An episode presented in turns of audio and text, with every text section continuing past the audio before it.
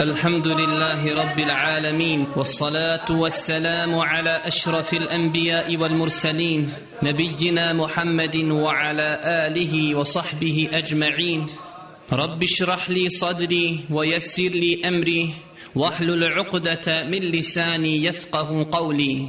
اللهم لا علم لنا إلا ما علمتنا إنك أنت العليم الحكيم وانفعنا ما علمتنا يا أكرم الأكرمين وزدنا علما يا أرحم الراحمين ثم أما بعد Zaista svaka zahvala pripada uzvišenom Allahu subhanahu wa ta'ala. Donosimo salavat i selam na posljednjeg Božijeg poslanika, Muhammeda sallallahu alaihi wasallame, njegovu porodicu, časne ashabe i sve one koji ih slijede u tome do sudnjega dana. Na samom početku, cijenjeni slušatelji, Assalamu alaikum wa rahmetullahi wa barakatuhu. Kao što je najavljeno, mi ćemo se noćas družiti sa ovom i tekako za svakog muslimana bitnom temom. Naše predavanje ili druženje podijelit ćemo na četiri dijela. Nakon kratkog uvoda govorit ćemo o koristima, fadiletima dovi, kao što je došlo u dokazima i tekstovima Kur'ana i Sunneta. Nakon toga ćemo progovoriti o nekim uslovima da bi dova bila primljena kod Allaha subhanahu wa ta'ala i na kraju spomenut ćemo neke od adaba ili lijepi stvari koje bi trebale da se nađu prilikom upućivanja dove Allahu subhanahu wa ta'ala. Činjena braćo i poštovani sestre, kao što znate, mi živimo u vremenu u kojem je se povećala ljubav za imetkom, izvori fesada i strasti, povećala su se iskušenja i problemi i u svemu tome vidi se velika potreba insana za užetom koji će ga vezati za uzvišenog stvoritelja Allaha subhanahu wa ta'ala. Također u tome se vidi velika potreba za nečim što će očvrsnuti njegovo srce i učvrstiti čovjekov iman. Čovjek je u velikoj potrebi da stane pred svoga gospodara Allaha subhanahu wa ta'ala, podigne ruke ponizno, skrušeno, da njemu povjeri svoje probleme i da od njega traži izlaz iz problema i da u tome nađe smiraj kakvog neće naći na drugom mjestu. Smiraj koji se ne može opisati riječima, a to je upućivanje dovi Allahu subhanahu wa ta'ala. To je ono, cijena braćo i poštovane sestre, što ovog bijednog, siromašnog insana veže za njegovog stvoritelja, uzvišenog, milostivog. Da li smo se ikada zapitali i da li smo ikada razmišljali o Allahu subhanahu wa ta'ala blagodati prema nama zato što nam je dozvolio da možemo njemu kao gospodaru da se obratimo sa svim svojim problemima i nedaćama koje nam se svakodnevno dešavaju. Da li mi kao muslimani znamo vrijednost toga? Da li znamo kakvo mjesto treba da zauzima dova u životu svakog čovjeka muslimana?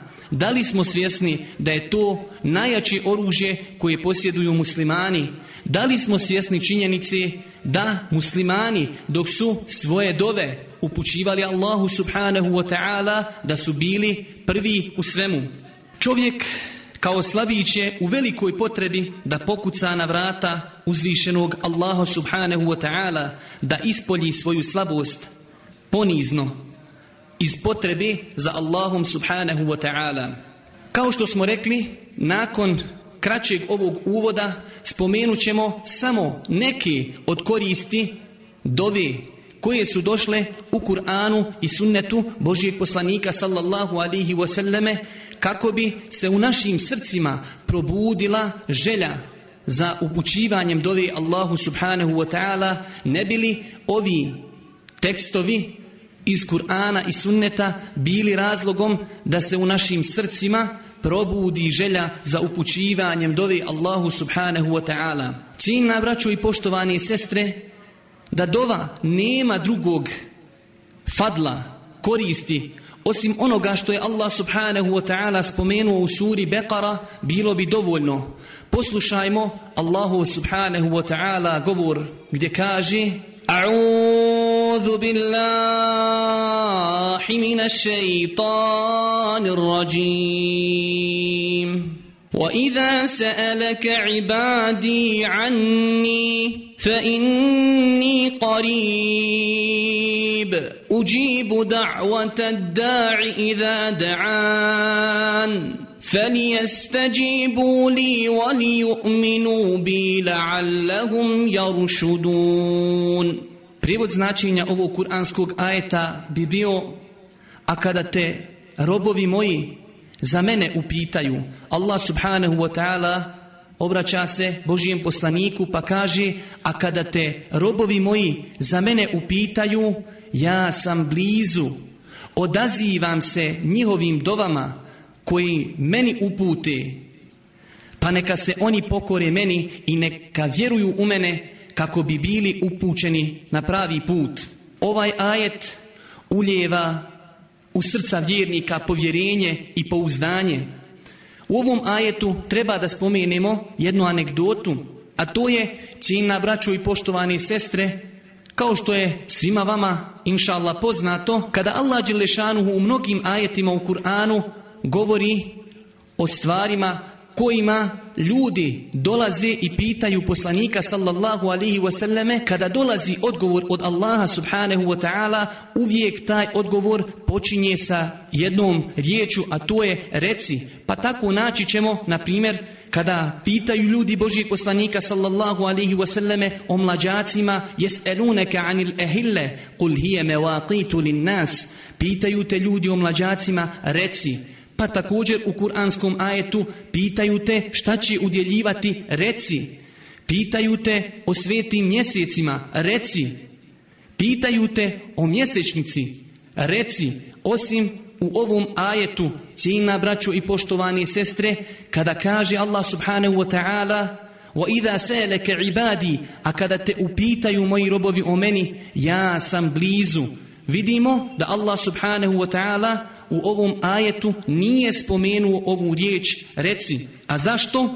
Zato da ne bude posrednika između Allaha subhanahu wa ta'ala i njegovih robova, pa makar taj posrednik bio najodabraniji Allahu subhanahu wa ta'ala rob, Boži poslanik sallallahu alaihi wasallame, ujedno naći ćemo u ovom ajetu veliki odgovor onim ljudima koji zagovaraju posredništvo između ljudi koji upućuju Allahu subhanahu wa ta'ala da je uslov dovljenja Allahu subhanahu wa ta'ala posredovanje nekih uglednika, šehova ili slično toga. Cijenni brate i poštovana sestro, treba da znaš da nema posrednika između tebe i Allaha subhanahu wa ta'ala.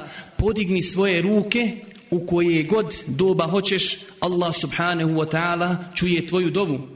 I nemoj dozivati mrtvaca, niti šeha, već dozivaj Allaha subhanahu wa ta'ala uzvišenog gospodara, stvoritelja i onoga koji sve čuje i sve vidi.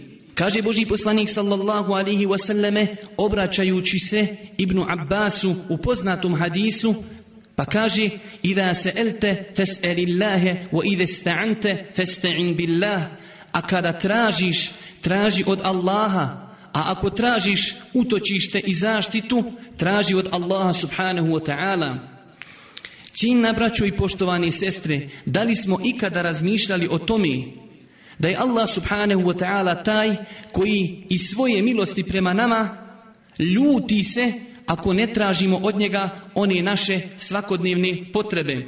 U hadisu kojeg je zabilježio imam et-Tirmidhi, a poznati hadijski ekspert Muhammed Nasrudin el Albani za ovaj hadis je kazao da je dobar.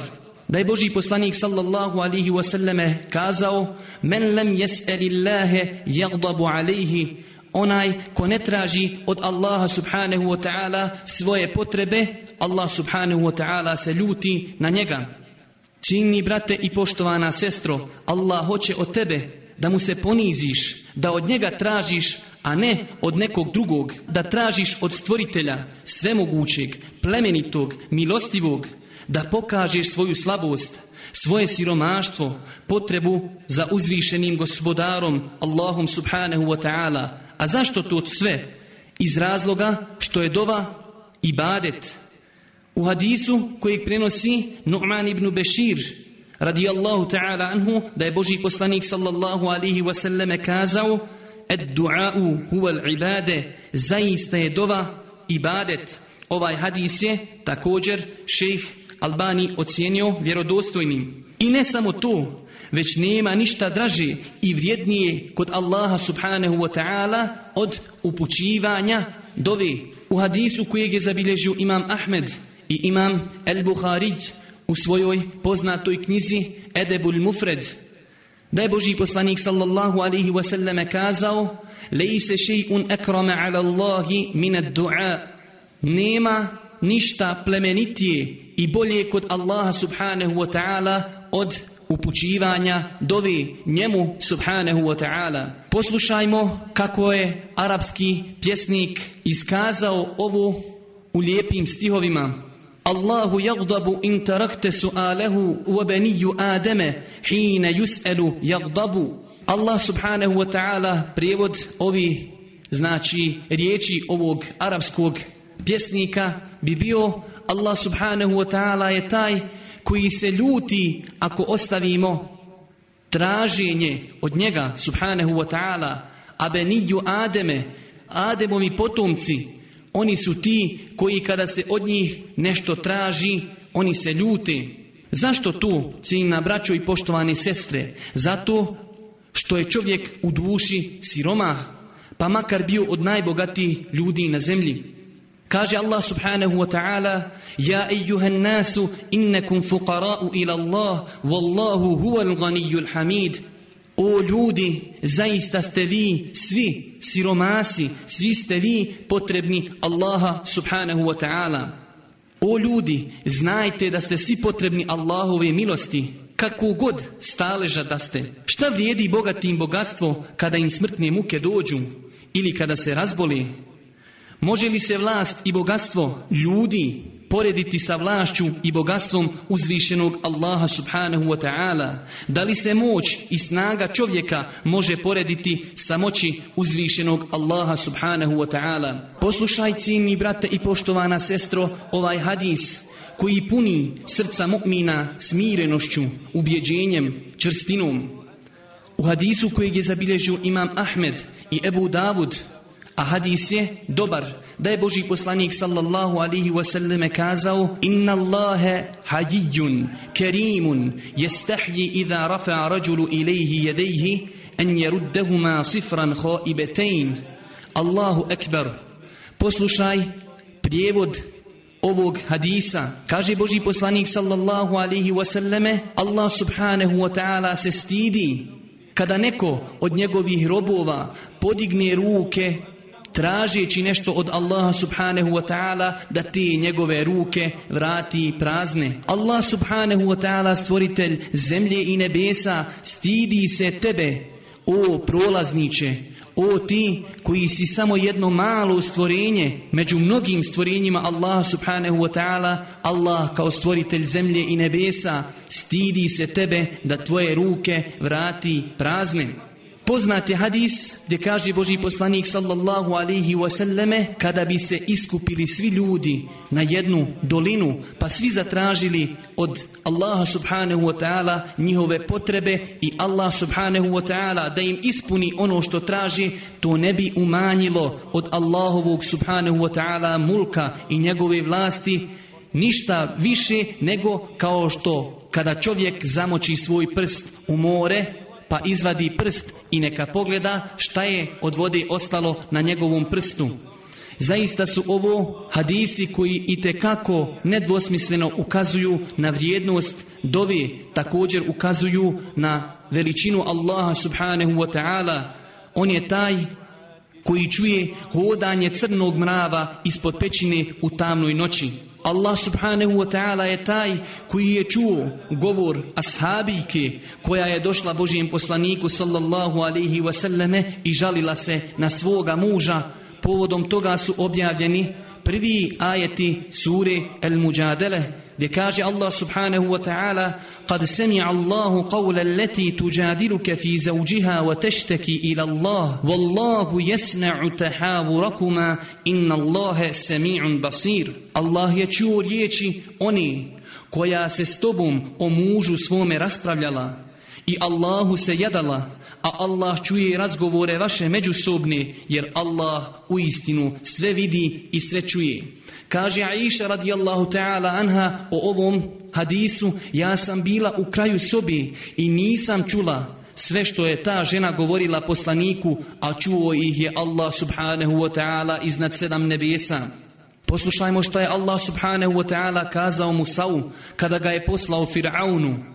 اذهبا إلى فرعون إنه طغى فقولا له قولا لينا لعله يذكر أو يخشى قالا ربنا إننا نخاف أن يفرط علينا أو أن يطغى قال لا تخافا إنني معكما أسمع وأرى كاجي الله سبحانه وتعالى obraćajući se Musa'u alaihi salam i njegovom bratu, idi ti i tvoj brat sa dokazima mojim i neka sam vam ja uvijek na pameti, idite faraonu, on se doista osilio. Pa mu blagim riječima govorite, ne bi li razmislio ili se pobojao. Gospodaru naš, rekoše oni, bojimo se da nas na muke ne stavi ili da svaku mjeru u zlu prekorači. Pa Allah subhanahu wa ta'ala odgovara Musa'u alihi selam i njegovom bratu ne bojte se. Ja sam s vama, ja sve čujem i vidim. Poslušajmo, cijena braćo i poštovane sestre, ovaj hadis koji govori o fadiletu dovi, koji je zabilježio imam Buhari i imam Muslim od Ebu Musa el-Eš'arija radijallahu ta'ala anhu da je rekao bili smo sa Božim poslanikom sallallahu alaihi wasallame na putovanju pa su neki od ashaba podizali svoj glas tekbirajući i doveći Allahu subhanahu wa ta'ala, pa im je kazao Boži poslanik sallallahu alihi wasallame, o ljudi, snizite svoje glasove, ne dozivate gluhog, niti odsutnog, vi dozivate onoga koji čuje i vidi. I onaj koga dozivate bliži je nekome od vas od vrata njegove jahalice. Činna braću i poštovane sestre, nakon što smo spomenuli neki od fadileta i koristi činjenja dove, mislim da je dovoljno, iako bi se mnogo toga moglo još spomenuti ovom prilikom. Nakon toga prijeći ćemo da spomenemo nekoliko uslova, šartova primanja dovi. Jer mnogi ljudi se žali i kažu dovio sam Allahu subhanahu wa ta'ala ali mi se nije ispunilo ono što sam tražio od Allaha subhanahu wa ta'ala.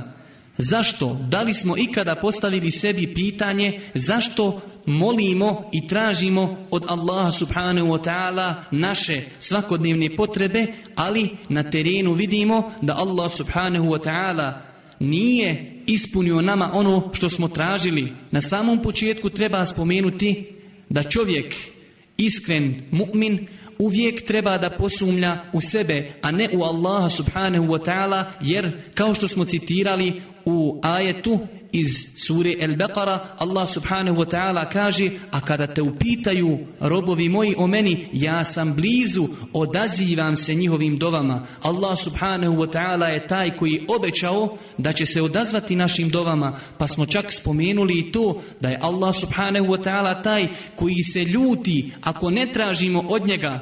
Ali desi se nekada da ljudima ne bude ispunjeno ono što traži tada treba da korimo sebe i da preispitamo da li su se u našim dovama ispunili uslovi koji bi trebali da se ispune kako bi jedna dova bila primljena kod Allaha subhanahu wa ta'ala.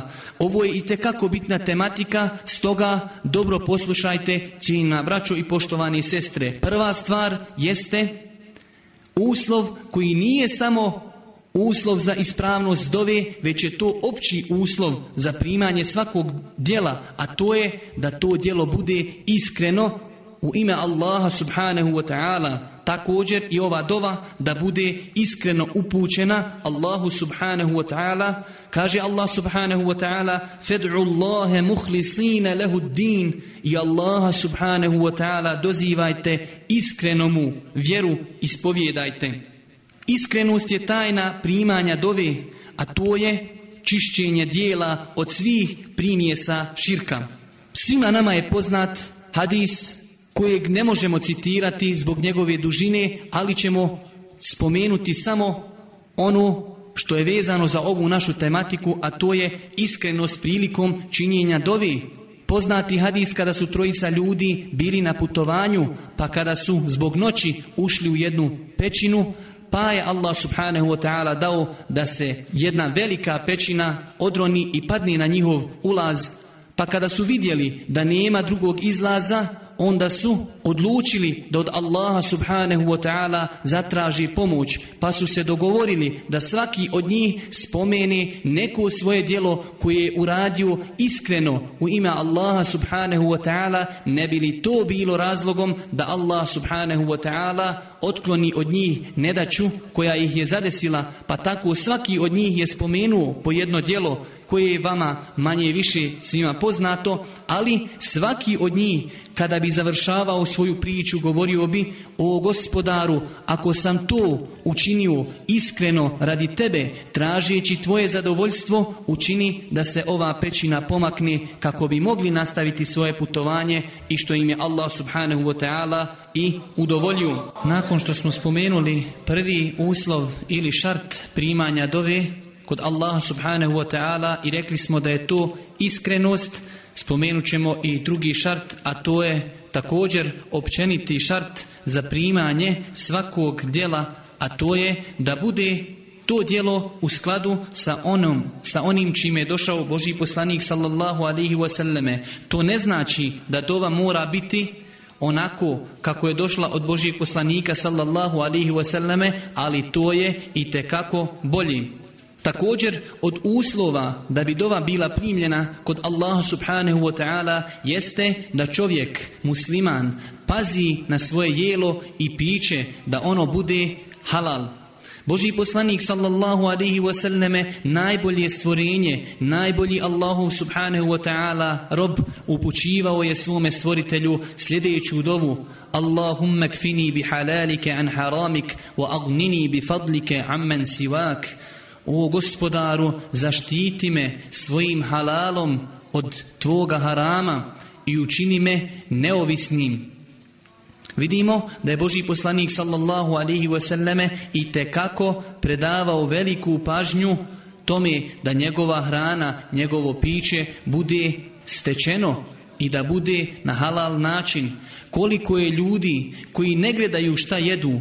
Ovdje kad kažemo ljudi, mislimo na našu braću muslimane. Ne gledaju šta jedu, već glavni njihov cilj je da se zasite, pa makar to bilo i sa haramom. I ne gledaju na koji način stiču i metak, koji će svakako jednog dana postati vlasništvo njihovih nasljednika.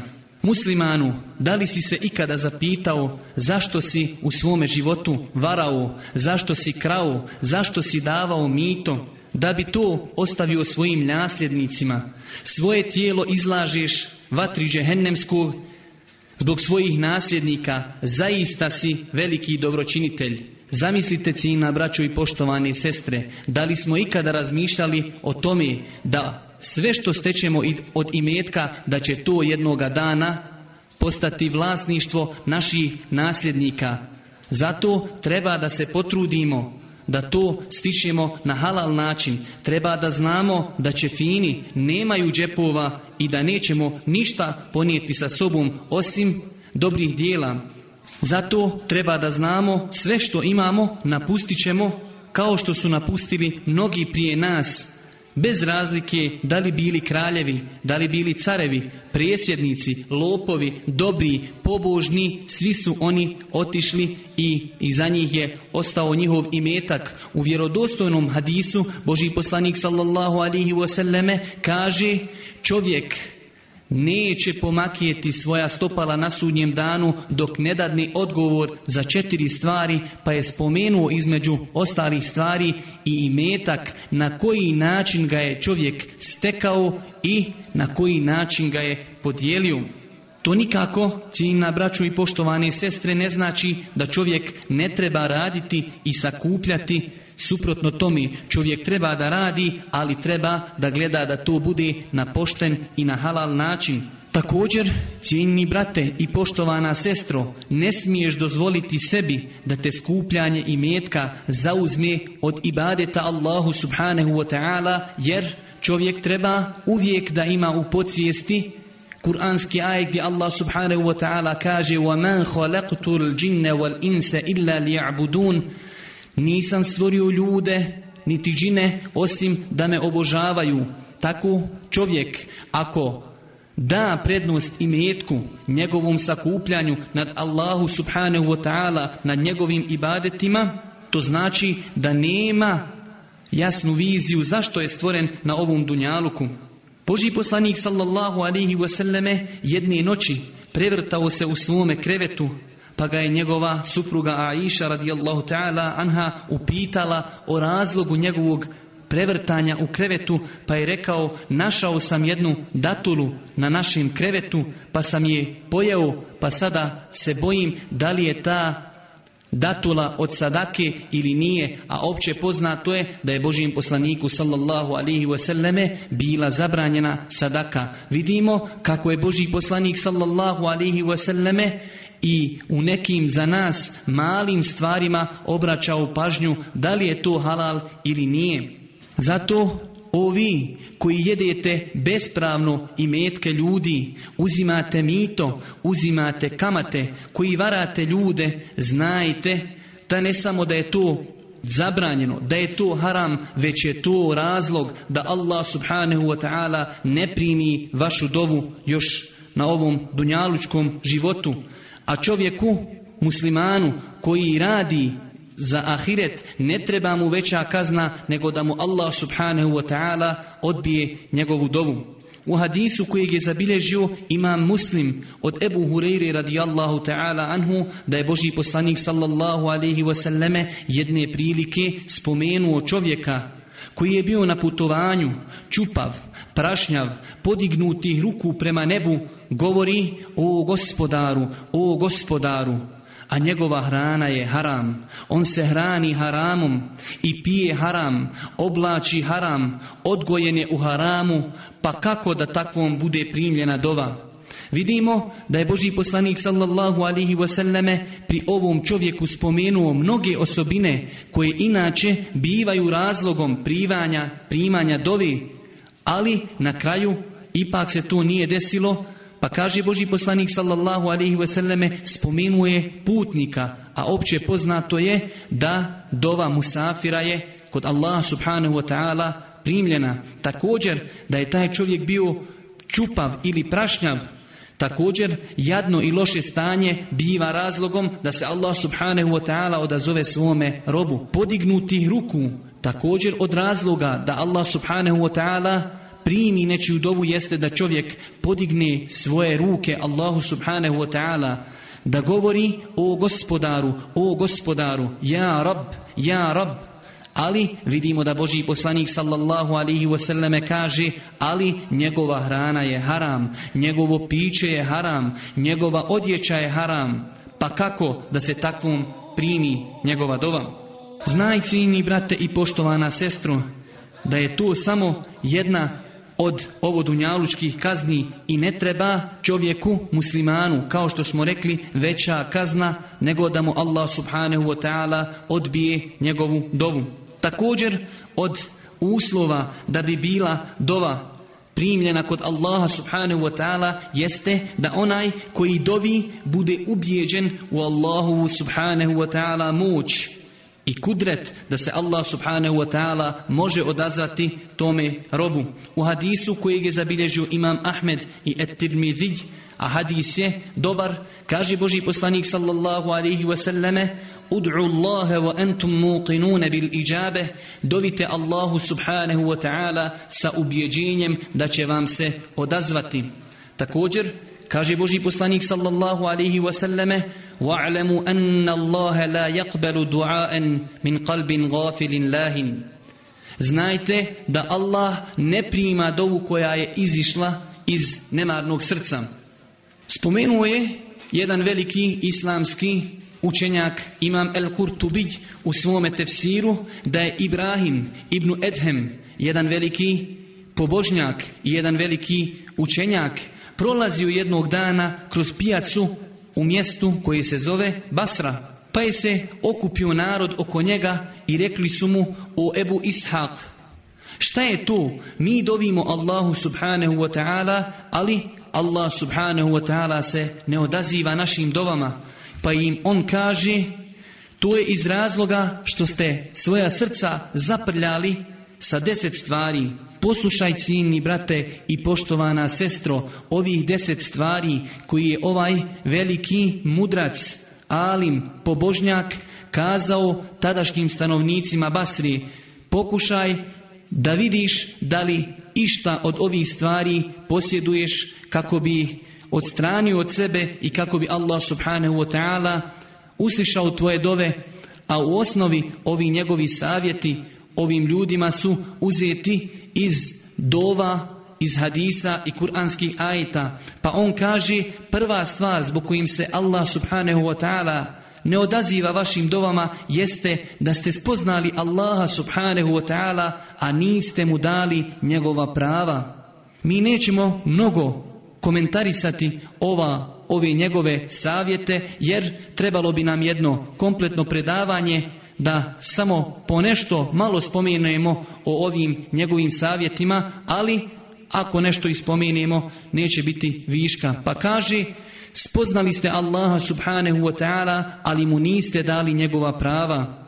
Koliko je ljudi, cijenina braćo i poštovane sestre, koji su spoznali Allahova subhanahu wa ta'ala prava kod njih, ali ne poštuju Allahova prava. Koliko je ljudi koji su zakazali na najvećim islamskim temeljima, kao što je namaz ili post. Druga stvar koja je razlogom odbijanja dovi kaže zagovarate ljubav poslaniku, a ne radite po njegovom sunnetu. Koliko je ljudi koji pozivaju u slijeđenje Božijeg poslanika sallallahu alihi wasallame, ali njihova djela, njihov izgled je i kako mnogo daleko od slijeđenja Božijeg poslanika sallallahu alihi wasallame. Treća stvar, kaže vi učite Kur'an, ali ne radite po njemu.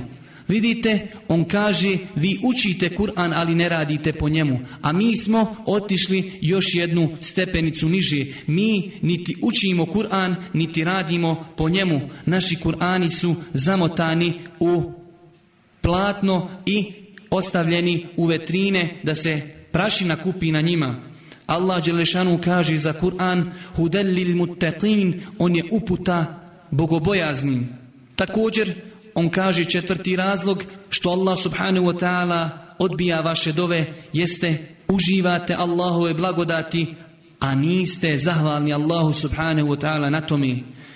Da li smo se ikada zapitali na braćo i poštovane sestre, da li smo zahvalni Allahu subhanahu wa ta'ala na mnogim blagodatima, kao što kaže Allah subhanahu wa ta'ala وَلَوْ تَعُدُّوا نِعْمَةَ اللَّهِ لَا تُحْسُوهَا A kada bi brojali Allahove subhanahu wa ta'ala blagodati, ne bi ih mogli izbrojati. Mnoge su blagodati Allah subhanahu wa ta'ala prema nama, samo kada bi počeli o blagodatima zdravlja da govorimo, bilo bi dovoljno.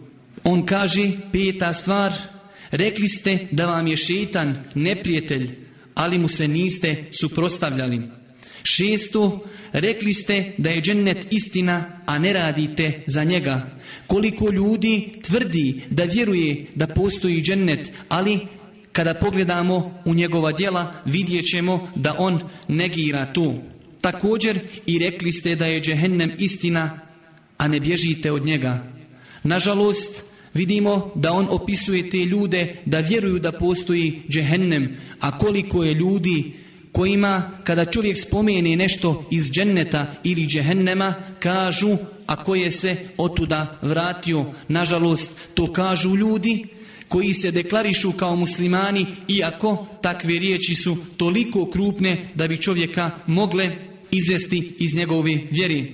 Također on kaže i rekli ste da je smrt istina, a ne radite ništa da bi se pripremili za tu smrt. Ovom prilikom bi volio da spomenem neke stvari vezane za smrt, iako smo vremenski ograničeni, ali cijena braćo i poštovane sestre, treba da se pripremamo za momenat koji ne znamo kada će nastupiti, ne znamo kada će doći melek smrti po našu dušu.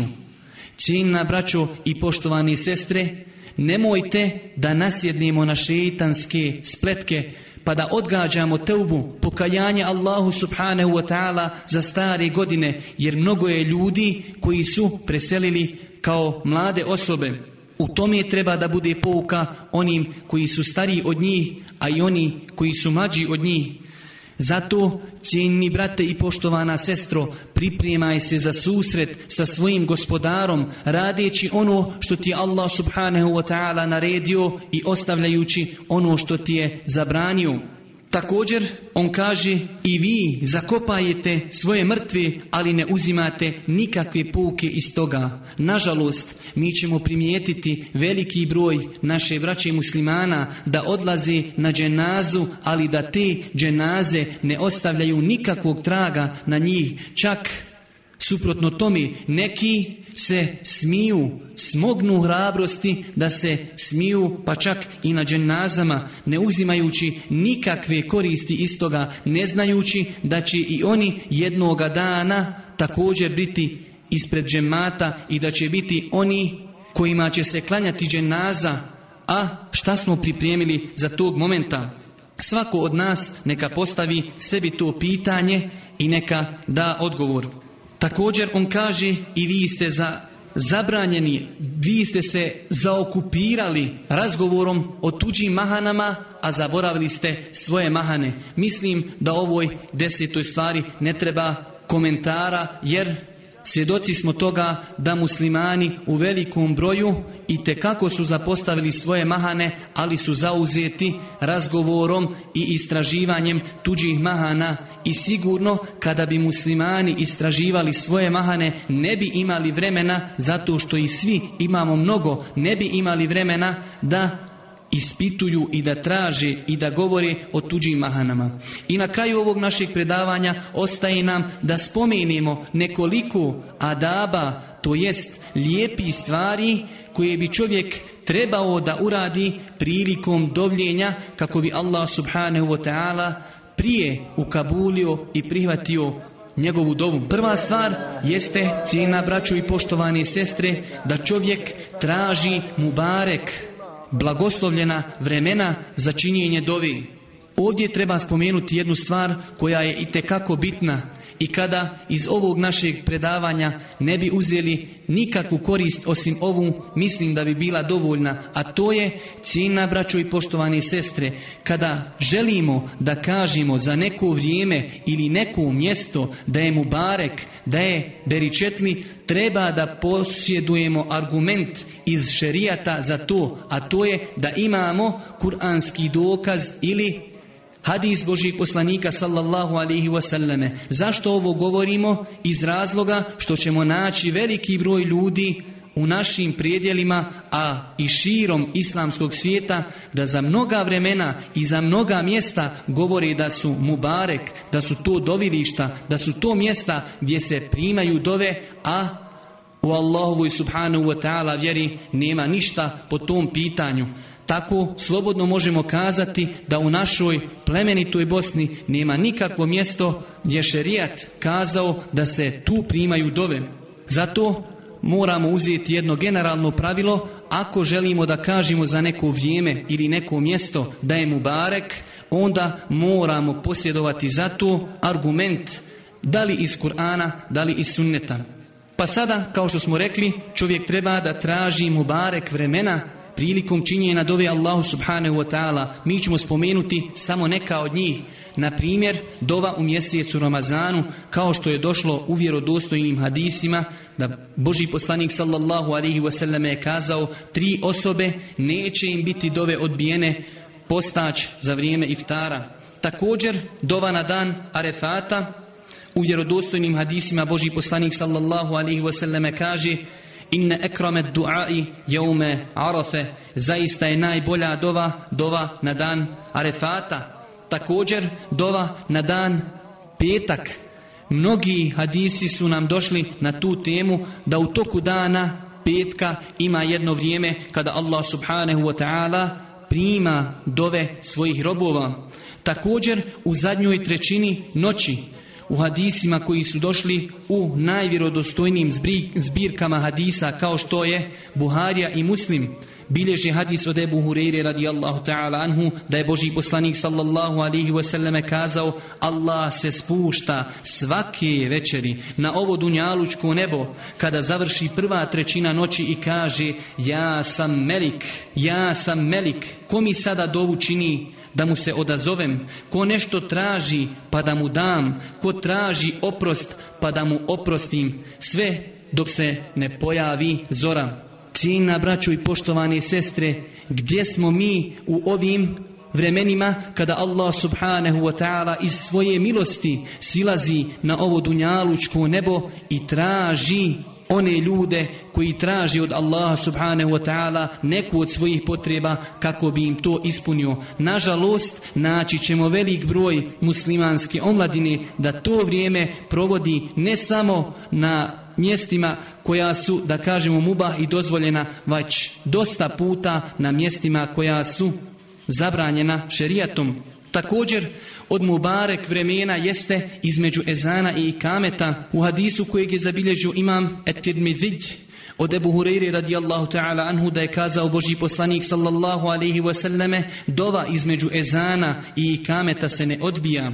U Tirmizinoj predaji ovog hadisa se prenosi da su ashabi kazali Božijem poslaniku šta ćemo reći o Božiji poslaniće pa je rekao tražite el afije, lagodnost u vjeri na Dunjaluku i na Ahiretu. Nažalost, mi ćemo vidjeti velik broj muslimana da ne koriste ovo mubarek vrijeme, pa tako kada završi sa klanjanjem sunneta, imaju vremena do učenja i kameta da podignu ruke Allahu subhanahu wa ta'ala da zatraži od njega one svoje potrebe koje imaju. Također od Mubarek vremena jeste padanje kiši kao što je došlo u dobrim hadisima.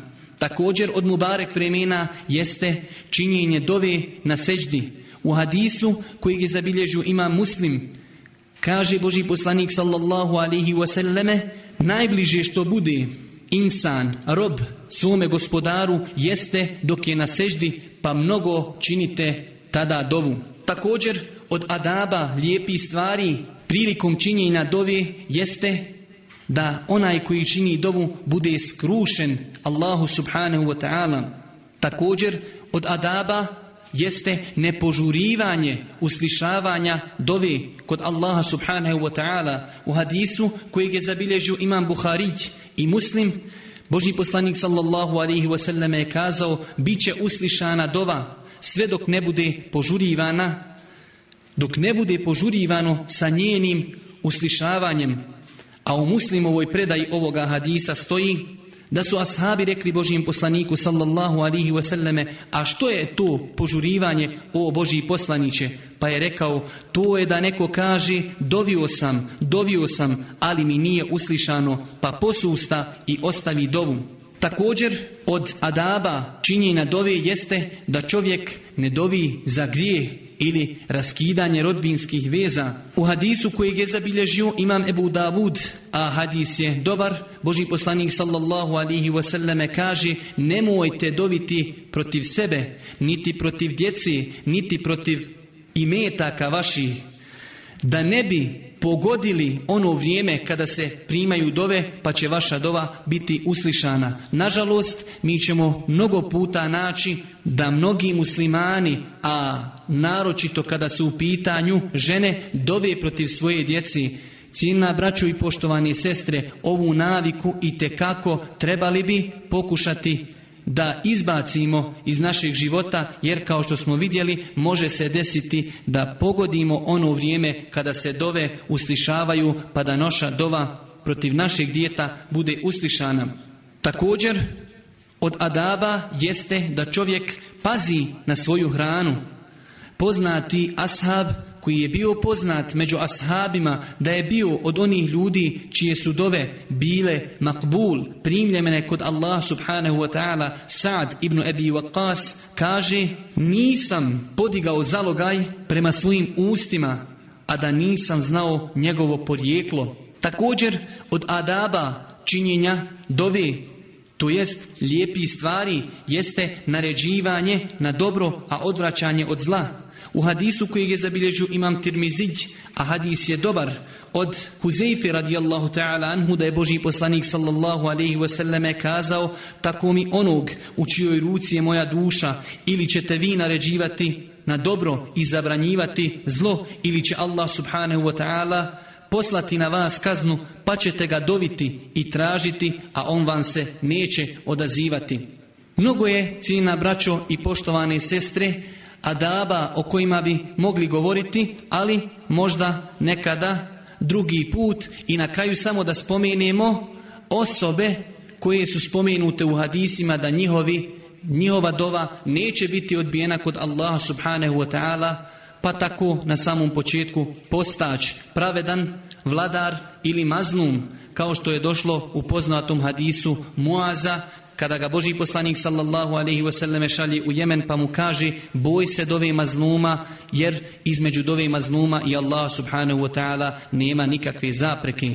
Također dova brata muslimana za brata muslimana, dova putnika i dova roditelja za svoju djecu. Molimo Allaha subhanahu wa ta'ala da usliša naše dove, da popravi stanje muslimana i da nas učini od onih ljudi čije će dove biti primljene kod njega. Amin. Subhaneke Allahumme ve bihamdike. Ešhedu en la ilaha illa ente estagfiruke ve etubu